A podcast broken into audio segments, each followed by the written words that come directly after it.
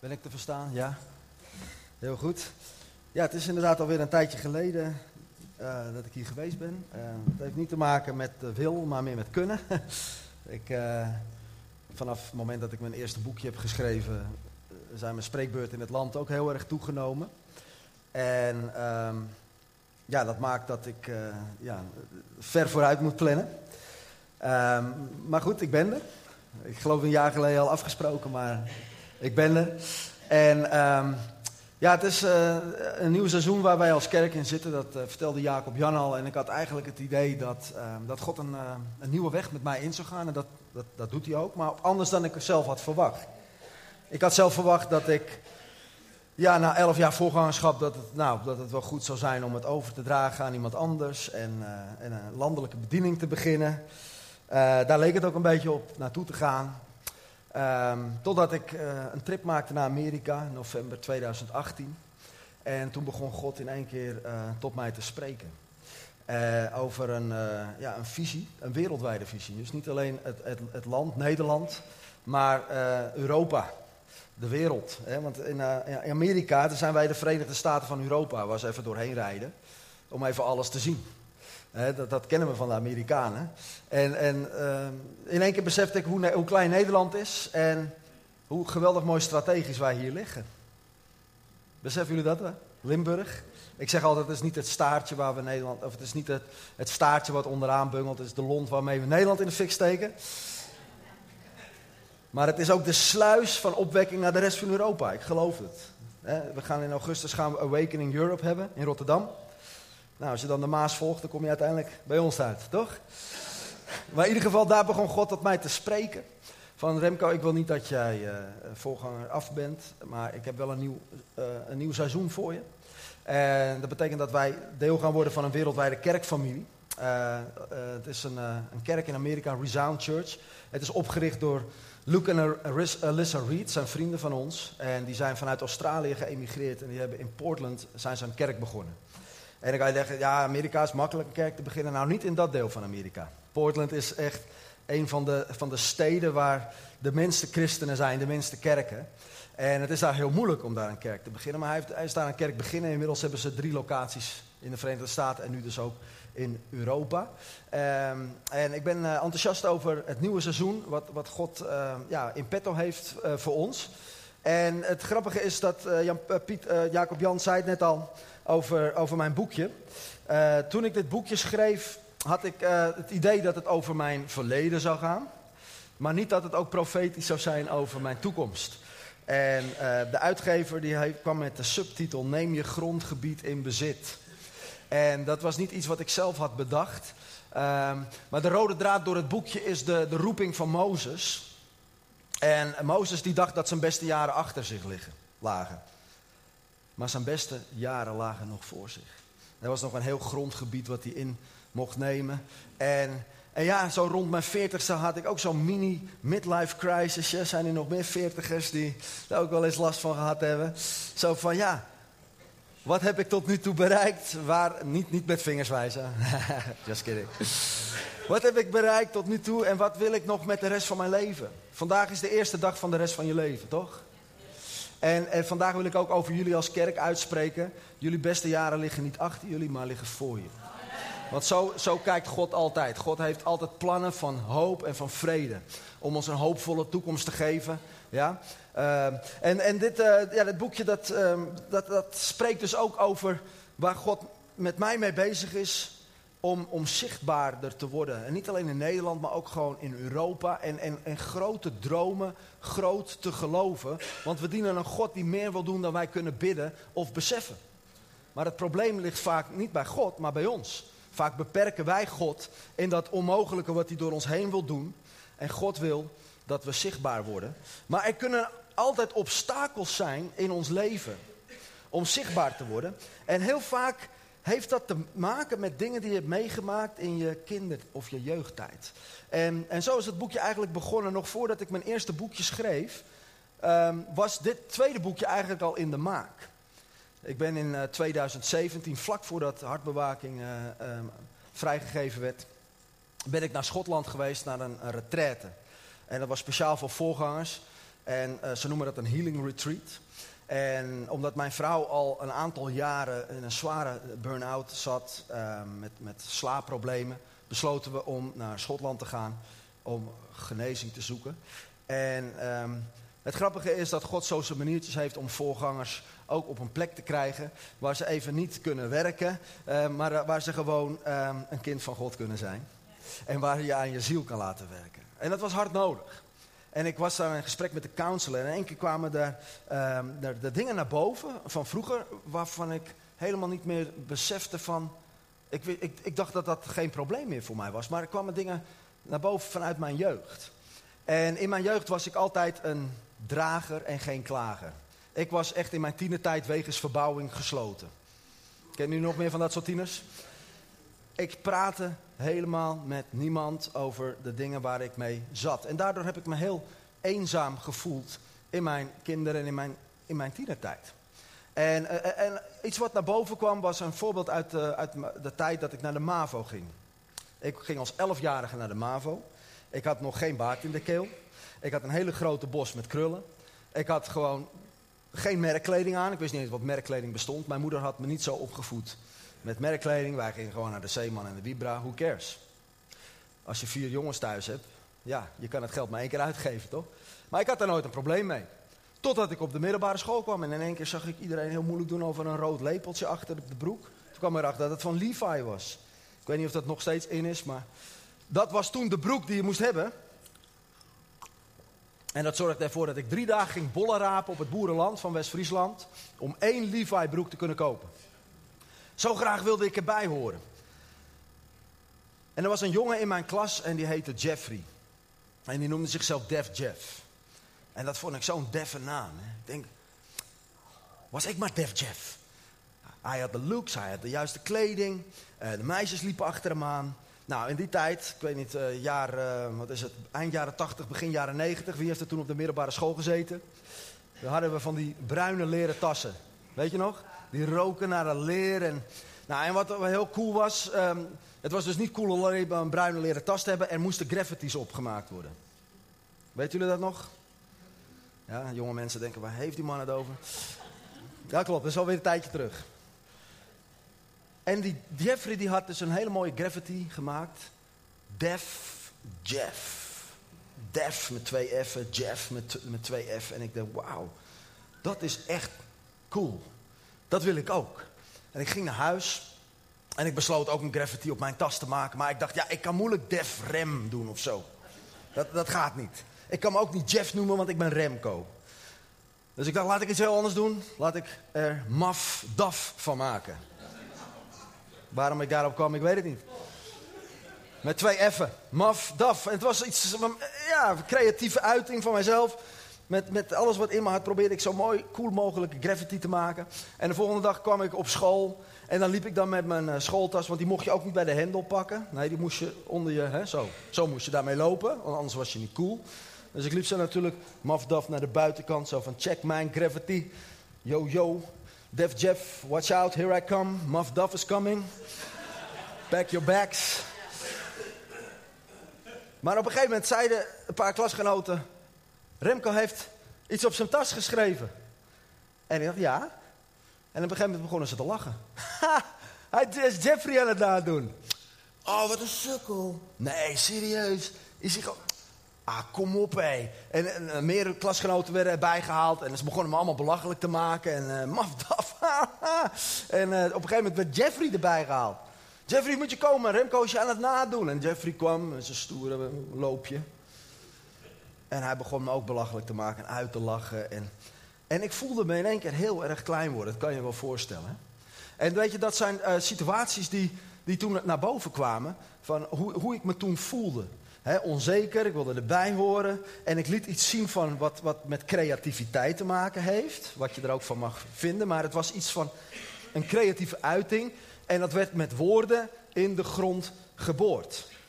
En dat was al iets waar ik mee worstelde. Ik worstelde al met minderwaardigheid. En dat had te maken met iets in mijn jeugd waar ik eigenlijk nooit over sprak. Waarom? Omdat dat uh, iets was wat ik koste wat koste geheim wilde houden.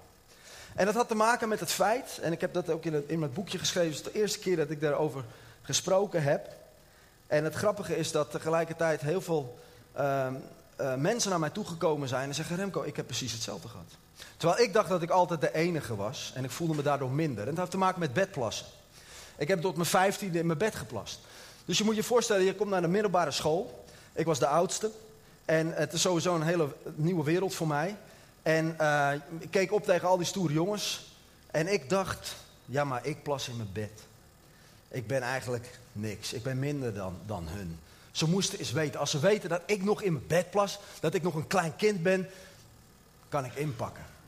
Dus ik hield dat angstvallig geborgen, dat geheim. En, en, en, en daardoor ontstond er een bepaalde leugen in mijn denken van ik ben minder dan, dan anderen. En dan in combinatie met die... Met, wie, wie, wie fluit hier? Ben ik dat? Nee, ik heb hem toch uitstaan. Oké. In ieder geval, het was voor mij een bevestiging van die leugen die zich al in mijn hoofd had opgebouwd. Ik ben minder. En dat hele Mafdaf-incidentje, dat, dat bevestigde dat. En um, daar in Schotland kwam dat naar boven. En meerdere dingen. Het feit dat ik een jaar lang gepest ben op de middelbare school en er met niemand over heb gesproken. Ik heb het in mijn eentje gedragen en ik was bang en ik nam andere routes naar school en, en terug naar huis. Uh, elke dag dacht ik dat ik in elkaar geslagen zou worden.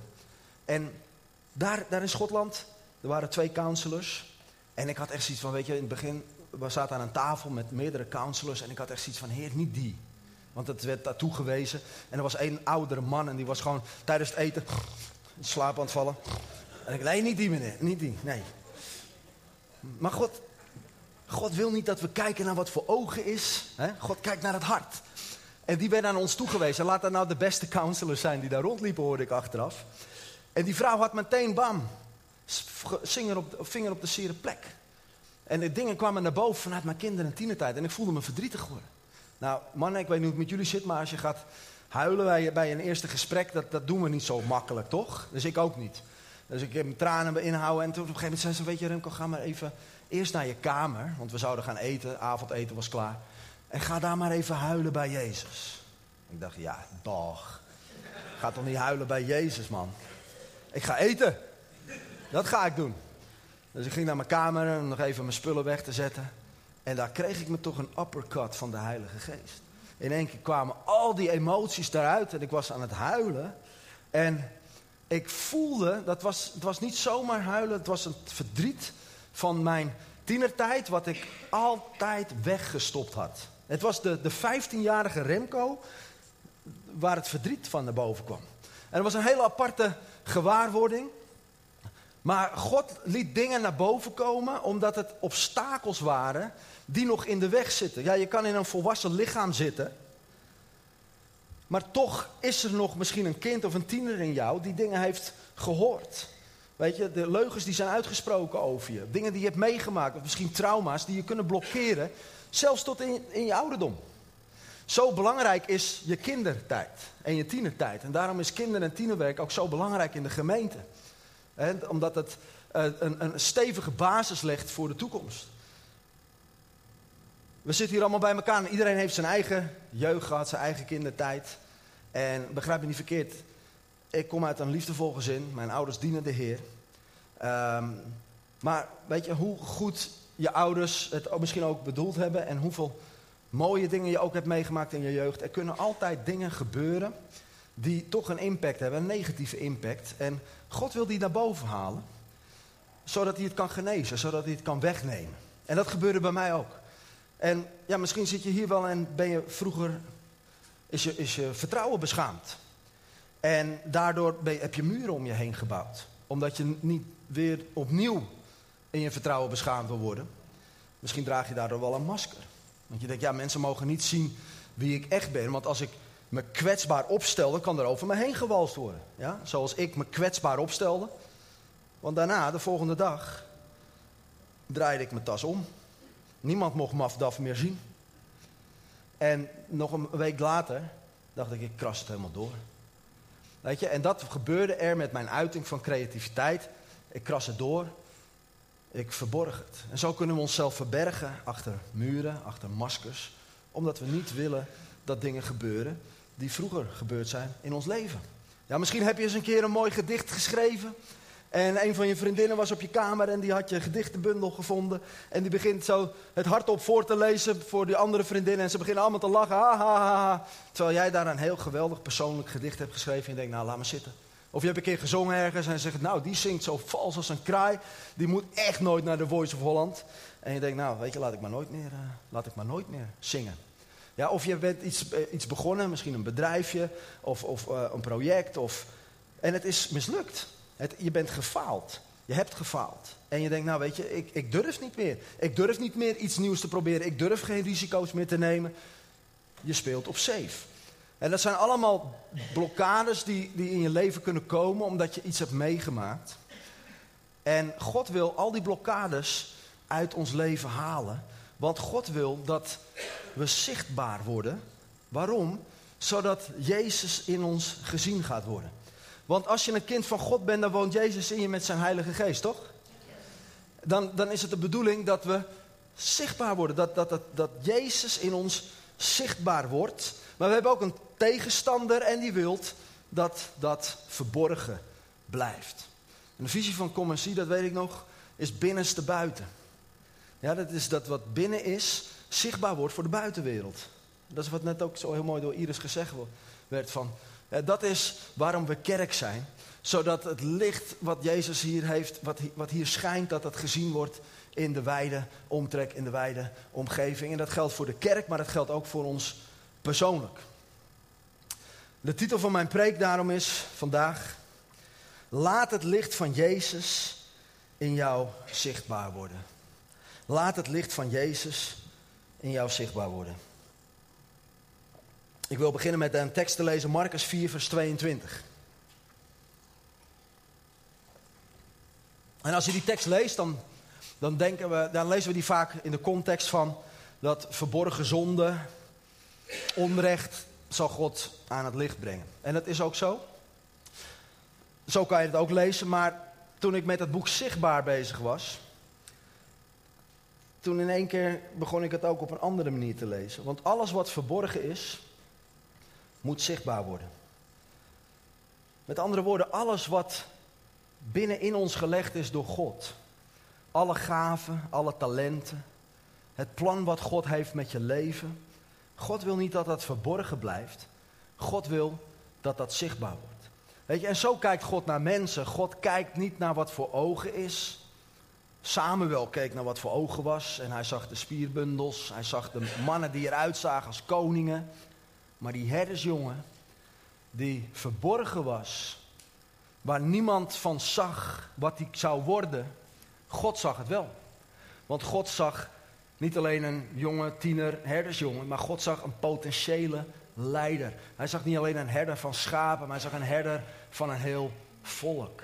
En zo kijkt God naar ons. En, en David werd gezalfd. En uiteindelijk werd zichtbaar wat God al in hem had gelegd. Weet je, en, en, God wil datgene wat, wat in potentie in ons zit, dat dat eruit gaat komen. Zoals een vrouw die zwanger is, negen maanden lang, zie je niet hè, hoe het kind eruit ziet. Maar na negen maanden wordt het geboren en in één keer zie je het. Wordt het zichtbaar, maar het zat er wel al. En het begon met een klein zaadje en een klein eitje. Weet je, het, het is misschien heel klein en je ziet het over het hoofd, maar in potentie liggen er allemaal dingen in ons die God bij de geboorte al in ons heeft gelegd, wat jou uniek maakt. Gaven en talenten die verbonden zijn met het unieke plan wat God heeft met je leven. En als die twee samenkomen, dan ga je zichtbaar worden. Dan ga je een verschil maken in de wereld. Dan ga je opstaan en dan ga je schitteren en dan ga je doen waarvoor je geboren bent. Er zijn twee belangrijke dagen in ons leven. De eerste is de dag dat je geboren bent.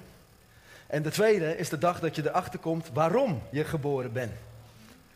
Je bent niet zomaar op deze wereld, je bent hier geboren met een reden. Evolutie zegt, de theorie zegt, ja, je komt uit het niets en je gaat in het niets. Het leven heeft geen enkele doel. Maar dat is niet wat mijn Bijbel me zegt. Mijn Bijbel zegt dat we geschapen zijn met een doel. En dat we geroepen zijn om de aarde te bewerken en te bewaken. We hebben een taak op deze wereld. Iedereen heeft een unieke taak op deze wereld en daar mogen we in uitstappen. Volgende tekst in Jesaja 60 vers 1 tot 3. Daar staat sta op en schitter. Je licht is gekomen. Over jou schijnt de luister van de Heer. Duisternis bedekt de aarde en donkerte de naties. Maar over jou schijnt de Heer. Zijn luister is boven jou. Wat staat er? Zichtbaar, leuk hè? Hoeveel woorden zichtbaar ik één keer in de Bijbel zie. Volken laten zich leiden door jouw licht, koningen door de glans van je schijnsel. Oké. God wil dat we opstaan. God wil dat we schitteren. Jezelf verbergen is het tegenovergestelde daarvan. Toen koning Saul geroepen werd en gezalfd werd tot koning, wilde hij zich verbergen. Hij zag er wel uit als een koning. Hij was lang, langer dan ieder ander, maar van binnen had hij minder waardigheid. En op het moment dat hij moest opstaan en schitteren, verborg hij zich. En God moest hem tevoorschijn roepen. Er was een blokkade in zijn leven. God wil dat we opstaan en schitteren. En in een land als Nederland is dat niet altijd makkelijk. Omdat, je kent het, uh, de uitspraak wel, als je hoofd boven het maaiveld uitsteekt, wordt je kop eraf gehakt. Het is typisch, typisch Nederlands. Maar het is niet het koninkrijk van God. Weet je, het gaat niet om mij, het gaat niet om u, het gaat niet om jij. Maar het gaat om dat Jezus door ons heen gezien wordt. Maar, maar God kiest ervoor om met zijn Heilige Geest in ons wonen, te wonen en ons als werktuig te gebruiken. Dat betekent dat je ook als werktuig zichtbaar moet zijn, toch? Anders kan Jezus ook niet door jou heen gezien worden. Want God heeft ervoor gekozen om zijn kerk, zijn lichaam te maken en daardoor heen te werken. Dus het lichaam van Christus moet zichtbaar worden. Wat gebeurde er op de Pinksterdag? Ze waren tien dagen aan het, aan, het, aan het bidden en aan het verwachten. En op het moment dat de Heilige Geest kwam, toen bleven ze niet binnen de kerkmuren. Ze gingen naar buiten. Ze werden zichtbaar. En ja, mensen vonden er wat van. Ha, die hebben te veel gedronken. Maakt niet uit. Mensen zullen altijd wat van je vinden. Als je geen kritiek wil, doe niks, zeg niks, wees niks. Maar hé, hey, dat is niet waar God ons voor geroepen heeft om niks te zijn. God heeft ons geroepen om een leger te zijn van mannen en vrouwen Gods. Wat de wereld op zijn kop zet. Zoals in handelingen wordt gezegd, ze brachten de stad in rep en roer. Nou, als rapper hou ik daar wel van. In rep en roer, maar hier staat niet RAP, maar REP. Rep en roer. Ze werden zichtbaar. Dus de Bijbel zegt, sta op en schitter. Met andere woorden, word gezien. Sta op en schitter. Waarom? Omdat de duisternis bedekt de aarde. En we hebben net al een opzomming gehad van hoe het gesteld is met de wereld. En we kunnen daar bang voor worden. We kunnen daar een oordeel over vellen. Maar we kunnen ook zeggen, hé, hey, misschien moet ons licht zichtbaarder worden. Toch? Ik denk dat de kerk de hoop van de wereld is. En licht verdrijft duisternis. Altijd. Dus als de duisternis toeneemt, misschien schijnt het licht niet fel genoeg. En waarom moeten we zichtbaar worden? Omdat volken zich laten leiden door jouw licht. Koningen door de glans van je schijnsel. Als jij zichtbaar wordt, dan word je als een vuurtoren. Die schepen zien in het donker. En je geeft richting, je geeft leiding. Misschien als jij niet opstaat, dat je een zegen onthoudt van heel veel mensen waar jij een invloed op kan hebben. Want als jij je licht laat schijnen, dan word je gezien en dan zullen mensen je voorbeeld gaan volgen. Maar als jij verborgen blijft en niet durft op te staan, dan kan je niet leiding geven. Dan kan je niet die invloed hebben die God uh, voor, jou, voor jouw leven heeft klaarliggen. Want Jezus zegt in Matthäus 5, vers 14 en 15, en dat is de gewone Bijbelvertaling, voor, gewoon even voor de gewone mensen. De gewone Bijbelvertaling, ik hou ervan. Jullie zijn het licht in deze wereld. En dat heeft niks te maken met hoe je je voelt. Ja, vandaag voel ik me nou niet echt een licht. Voel me een beetje somber. Maakt niet uit. Je bent altijd een licht.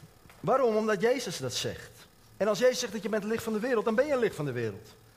Er is een Bijbelgedeelte waarin Jezus zegt: ik ben in deze, zolang ik in deze wereld ben, ben ik het licht van deze wereld, maar ik ga naar de Vader en dan zullen jullie het licht van de wereld zijn.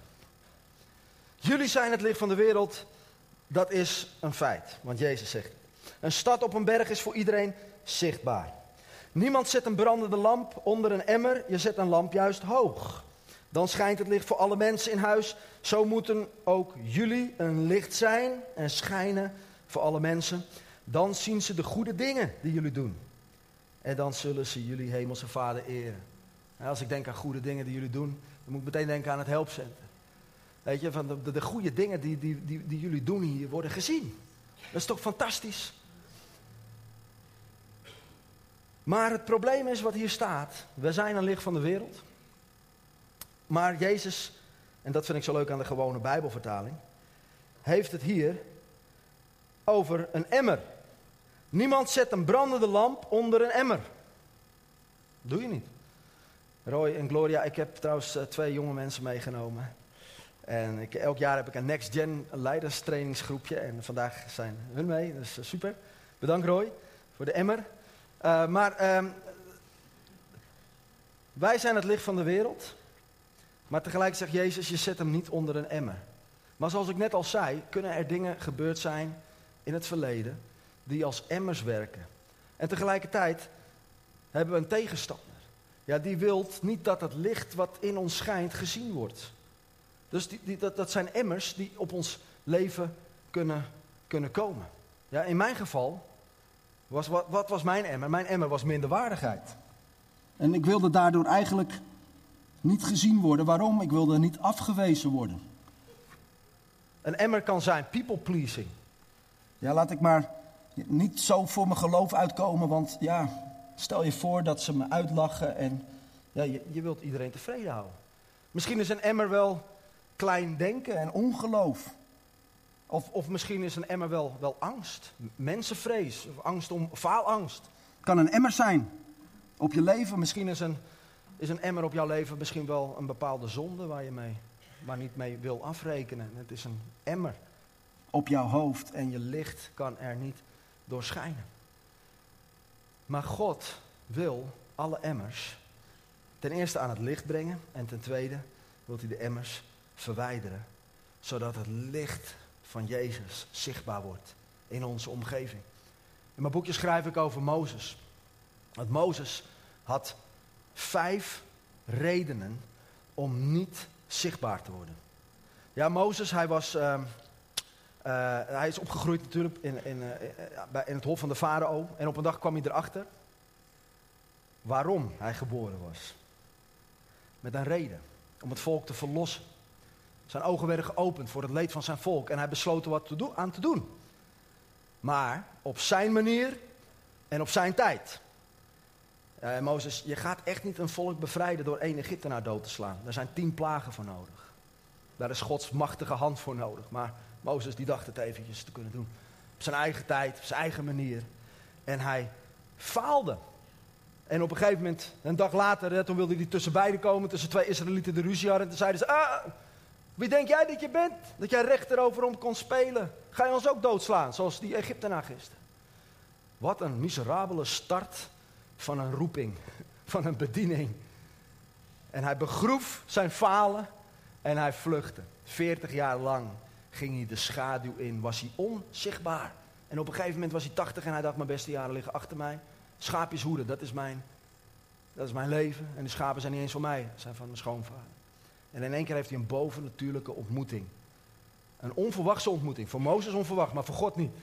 God had hem gepland. God had hem getimed. En Mozes, hij, en God zegt tegen Mozes, Mozes, ik ga het volk van Israël bevrijden uit slavernij. Yes, God. Tof dat u er wat aan gaat doen. Maar ik ga jou daarvoor... Nee. Gaat u dat doen? Nee, zo werkt God. God heeft een plan, maar hij kiest ervoor om mensen te gebruiken. Alleen, er waren heel veel emmers. De eerste emmer. Ja, maar wie ben ik nou? Mozes had een probleem met zijn identiteit. Tweede emmer, ja, maar. Wat is uw naam eigenlijk? Ik ken u eigenlijk helemaal niet. Tweede emmer. Obstakel, ja. Ik heb niet genoeg Bijbelkennis, ik ken God nog niet goed, ik ben nog niet zo lang christen, dus ik moet eerst twintig jaar christen zijn, honderden Bijbelstudies gedaan hebben, dan kan ik pas gebruikt worden door God. De derde emmer die hij had was, ja, maar de mensen zullen me toch niet geloven. Wat zullen de mensen wel niet van mij denken? People pleasing. Als je je laat tegenhouden door people pleasing, zul je nooit iets bereiken. Want je kan niet iedereen tevreden houden. Zo simpel is het. Vierde excuus wat hij had. Ja, maar, maar, maar, maar ik kan niet, niet, niet, niet zo goed praten. De meeste theologen zijn het erover eens dat hij een stotterprobleem had. En hij dacht, nee God, u, u heeft de verkeerde. En de laatste reden om het niet te doen, de laatste Emma was... Heer, stuur iemand anders. De valstrik van vergelijken. Je met iemand anders vergelijken en denkt, oh die iemand anders is geschikter en ik ben minder en daardoor doe je niks. Een heel groot probleem vandaag de dag is vergelijken. Met sociale media, we vergelijken ons met elkaar. Maar weet je, vergelijken, dat is een doodlopend pad. Het berooft je van vreugde. Want het is zinloos om je met iemand anders te vergelijken, want je bent uniek. Wat God in jou gelegd heeft, heeft God niet in die ander gelegd. Het is appels met peren vergelijken. En elk excuus wat Mozes had, daar zet God een antwoord tegenover. Wat uiteindelijk de emmers. Iedereen heel? Ja? Van zijn hoofd verwijderde. Gaat alles goed, meneer? Ja? Oké. Ik had het even moeten aankondigen misschien. Maar de kracht van illustratie. God haalt de emmer van je hoofd. En hij werpt het van je af. En jij mag ook in de geest, mag je identificeren welke emmers zijn er op jouw leven gekomen. En welke emmers wil God van jouw leven afhalen. Zodat je gaat wandelen in de dingen die God voor je heeft. Zonder angst en zonder vrees. En dan zul je misschien denken, ja maar Remco, je kent mijn leven niet. En ik, ik, worstel hiermee en ik zit daarmee en ik, ik, ben niet, ja, ik voel me niet goed genoeg. Weet je, Mozes voelde zich niet goed genoeg. Hij had vijf redenen waarom hij zegt, ja God, u heeft het verkeerde. Maar ik geloof dat het juist Gods timing was dat God hem wel riep. Juist toen Mozes het niet meer van zichzelf verwachtte. Maar toen hij wist van ik ben zwak van mezelf. Ik heb u nodig. Want de Bijbel zegt, volgende tekst. Dat, nee, die, die van uh, 2 Korinthe. Ja. Waar staat hij? Hebben jullie hem? Kracht moet uh, wordt, wordt zichtbaar en zwakheid. Kracht wordt zichtbaar en zwakheid. Maar wij willen vaak eerst helemaal sterk zijn en alles kunnen voordat we iets gaan doen voor God. Nee, als God je roept, dan maakt hij je bekwaam. En het gaat niet om hoe jij je voelt, maar het gaat om dat God zegt: Ik geloof in jou en jij kan dit en ik roep je ervoor. Dus voor, voor God waren die vijf excuses niet zo: Oh ja, je hebt gelijk. Ja, inderdaad. Je hebt identiteitsproblemen. Oh ja, je kent mijn naam niet eens. nee, inderdaad. Oh, je bent alleen maar druk aan het maken om het andere van, van je dingen. ja, nee, uh, inderdaad. Uh, oh, je stotter. Och, ja, was ik helemaal vergeten. Michael, Gabriel, hadden jullie wel even mogen zeggen voordat ik hem ging roepen. Stuur iemand anders. Ja, zo lekker makkelijk wil je er vanaf komen. Ja, inderdaad, ik ga wel naar iemand anders. Nee, dat was niet wat God zei. God had niet een foutje gemaakt toen hij Mozes riep. Nee, God riep Mozes juist omdat Mozes niet langer van zichzelf verwachtte. Omdat Mozes wist, het moet niet meer op mijn manier, het moet niet meer op mijn tijd, het moet op Gods manier en op Gods tijd. En wat gebeurde er? Wat Mozes zou meemaken, dat zou zijn voorstellingsvermogen te boven gaan. Maar het zou zijn door de bovennatuurlijke kracht van Gods geest. Die door hem heen zou werken, waardoor hij zichtbaar werd en een heel volk bevrijdde uit slavernij. Wil afsluiten met het volgende. Ook iets uit mijn eigen leven welke blokkades er kunnen zijn om zichtbaar te worden. Een, van de blokkades die, die in mijn leven waren binnengekomen, dat was de blokkade van people pleasing. Omdat ik wilde erbij horen, ik wilde niet minder waardig zijn dan anderen, dus ik wilde eigenlijk onopvallend zijn. Eigenlijk dat, dat, dat niet afgewezen kon worden. Ja, dat ik door iedereen aardig gevonden zou worden. En er was een moment, ik was in 2013 was ik in Amerika, aan een conferentie. En in één keer ehm, was daar een spreker, Brian Houston, die zei, er is zijn die mensen en er zit een boek in je. En het was alsof God dat tot mij zei, er zit een boek in mij. En ik was geen schrijver, ik had nog nooit een boek geschreven. En, maar het was dit boek, Hartbewaking. Wat je nu ziet, wat zichtbaar is, zat toen in mij. En God zag dat al en riep dat tevoorschijn door een spreker. En ik ben ermee naar huis gegaan. Maar de blokkade waar ik tegenaan liep was people pleasing, was kan ik dat wel? Wie zit er nou te wachten op een boek van mij? Wie ben ik nou dat mensen een boek van mij willen kopen? En uiteindelijk heb ik het gedaan. En ik weet nog dat de avond voordat het uitkwam, dacht ik echt, werd ik in barend en zweet wakker. Nee, ik heb dit erin geschreven, ik heb dat erin geschreven. Wat gaan mensen daarvan vinden? Misschien gaan ze me wel uitlachen, misschien krijg ik hele slechte recensies en het zweet brak me uit. Blokkades die er kunnen zijn, maar weet je, daar moet je dwars doorheen breken. Want ja, de vijand, op het moment dat je zegt, ik wil zichtbaar worden, dan zal de vijand weer opnieuw komen. Met een emmer, met een nieuwe emmer. Ja? Dat is een constante strijd in ons leven. Als jij ervoor kiest om zichtbaar te worden, dan zal de vijand proberen om de emmer weer op je kop te zetten. En dan is aan jou de keus. Ga je terug onder een emmer? Of zeg je, duivel, ga weg met die emmers, want ik ben vrij om zichtbaar te zijn en ik ga mijn roeping leven. En het enige wat telt is wat God zegt voor mij. Want als de duivel komt met emmers, dan zijn het altijd gebaseerd op leugens. En als God komt, is het altijd waarheid. En de waarheid maakt je vrij en vernietigt elk emmer van leugens over jouw leven. In Jezus' naam. En toen kreeg ik dit boekje. En toen kwam de, de uitgever met het geniaal idee, vond hij zelf, om mijn gezicht op de cover te zetten. Dat was niet mijn idee. Mijn gezicht? Maar dan moet iedereen naar mijn gezicht kijken. En dan denkt misschien iedereen dat dat, dat, lekker belangrijk Remco met zijn gezicht op de cover. Eh, kijk hem nou lekker belangrijk doen. Ik wil helemaal niet mijn gezicht op de cover. En hij zei, waarom niet? Je boekje heet Zichtbaar.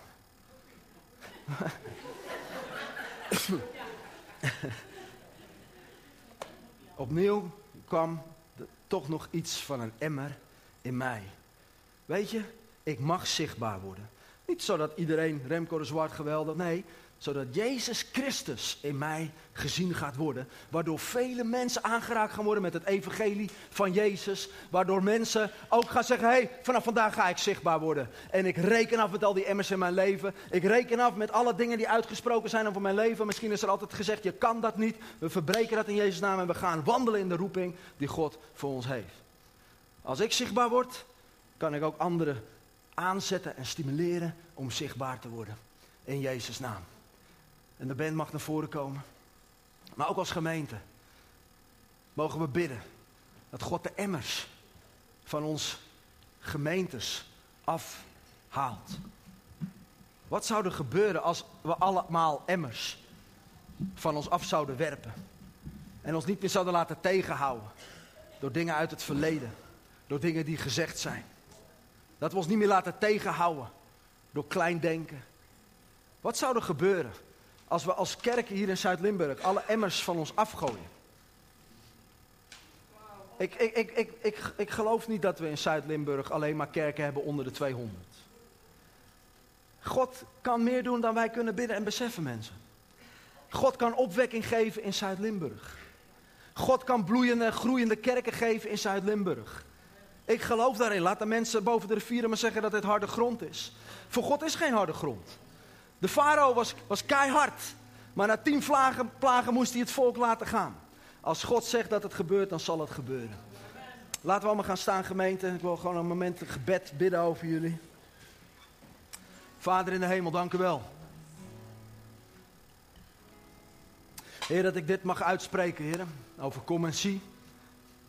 Heer, dat alle obstakels en, en, en, en plafonnen en, en, en emmers die de vijand heeft geprobeerd te plaatsen, dat die eraf gaan nu in de naam van Jezus Christus. En dat alles wat is gebeurd in het verleden, dat dat niet meer een invloed zal hebben op de toekomst.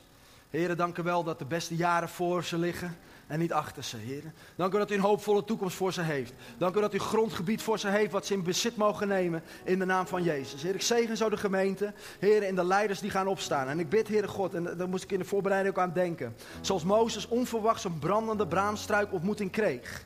Zo gaat God mensen in deze gemeente brandende braamstruik ontmoetingen geven. Je hebt het niet zelf opgezocht, je hebt het niet verwacht. Maar God gaat het onverwachts doen. En mensen gaan opstaan waar je het misschien niet van verwacht had omdat God ze tevoorschijn roept.